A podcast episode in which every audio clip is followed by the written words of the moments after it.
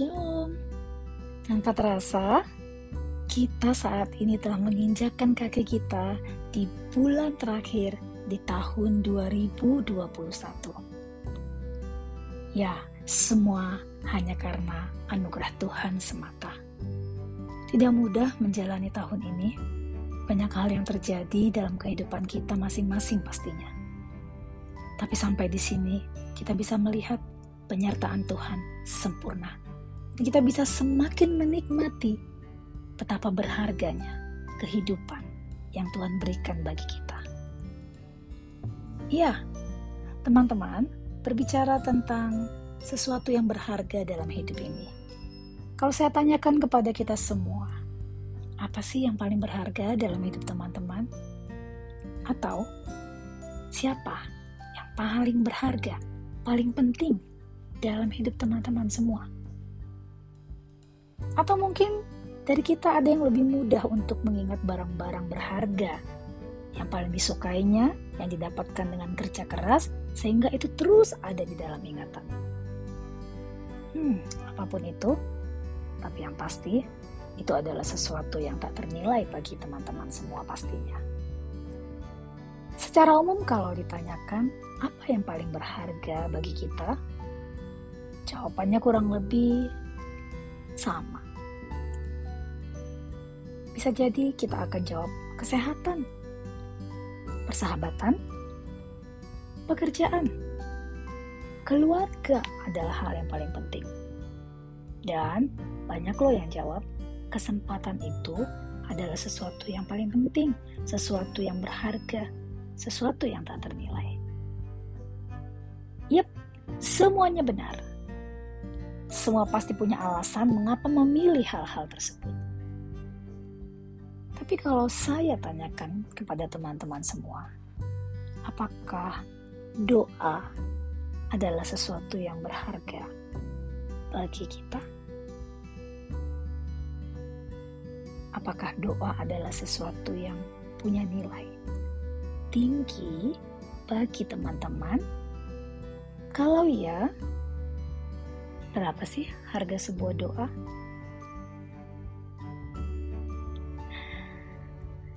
Ya, saya berkesempatan untuk merenungkan bagian ini.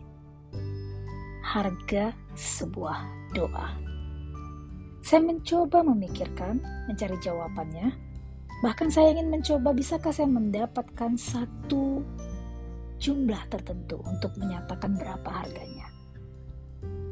Dan yang saya dapatkan adalah bahwa doa itu tak ternilai harganya. Tapi ketika saya mencoba merenungkan lebih dalam lagi, saya terkesima karena saya mendapatkan jawaban yang luar biasa. Saya percaya Tuhan yang menaruh jawaban ini di dalam pikiran saya. Teman-teman, harga sebuah doa adalah seharga salib Kristus.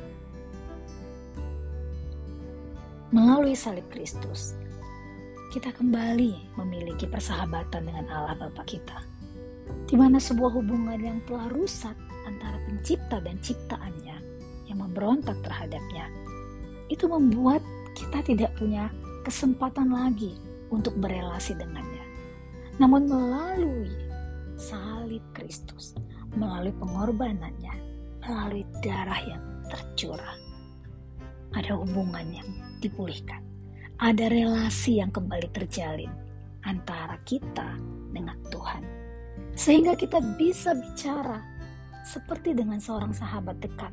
Kita bisa curhat tentang apa pun, kita bisa meminta apa pun, kita bisa berkeluh kesah dan kita bisa mendapatkan juga jawaban dari pertanyaan dan pergumulan-pergumulan kita. Apakah pada bagian ini teman-teman sudah mulai bisa menyadari betapa berharganya sebuah doa?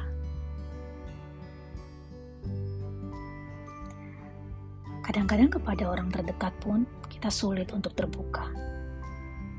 Tapi kepada Tuhan, di dalam doa, kita bisa menyatakan apa pun. Dia selalu menerima kapan pun kita datang. Dia selalu terbuka kapan pun kita ingin berseru kepadanya. Pernahkah kita sadari bahwa percakapan kita dengan Tuhan itu adalah sebuah percakapan yang sangat luar biasa? Coba sejenak kita pikirkan.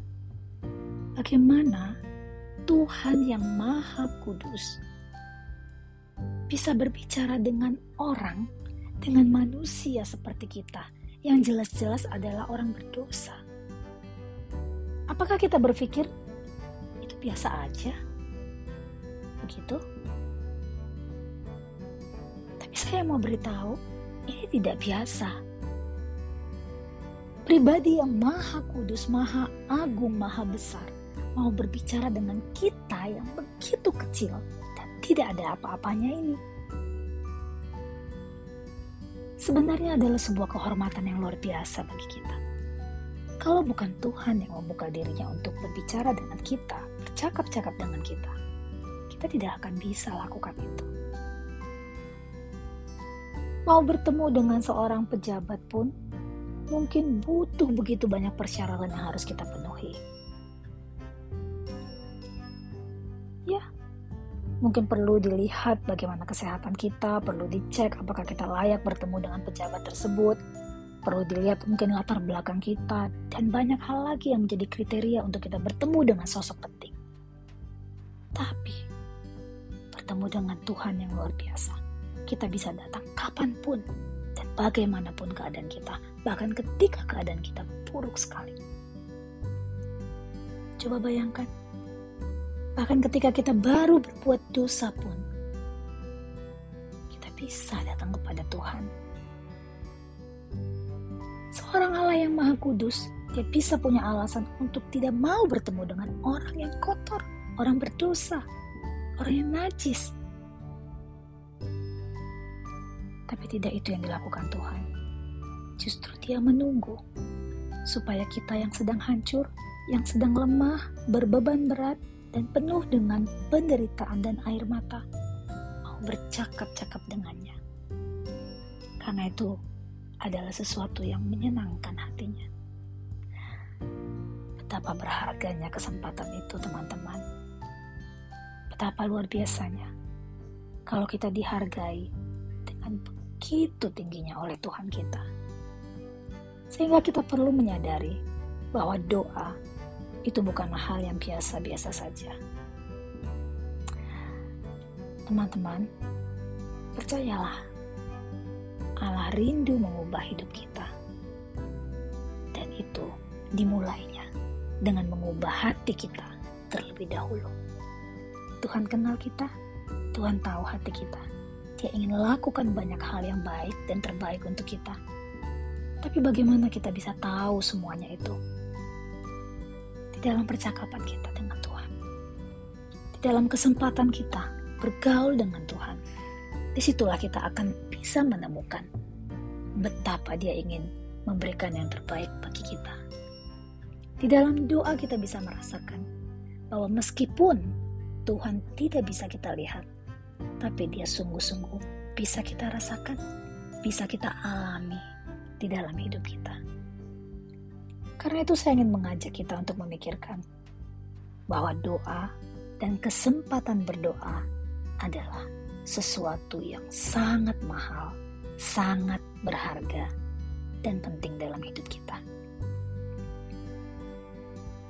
Karena itu, teruslah berdoa, sebab di luar Tuhan kita tidak akan bisa lakukan apa pun.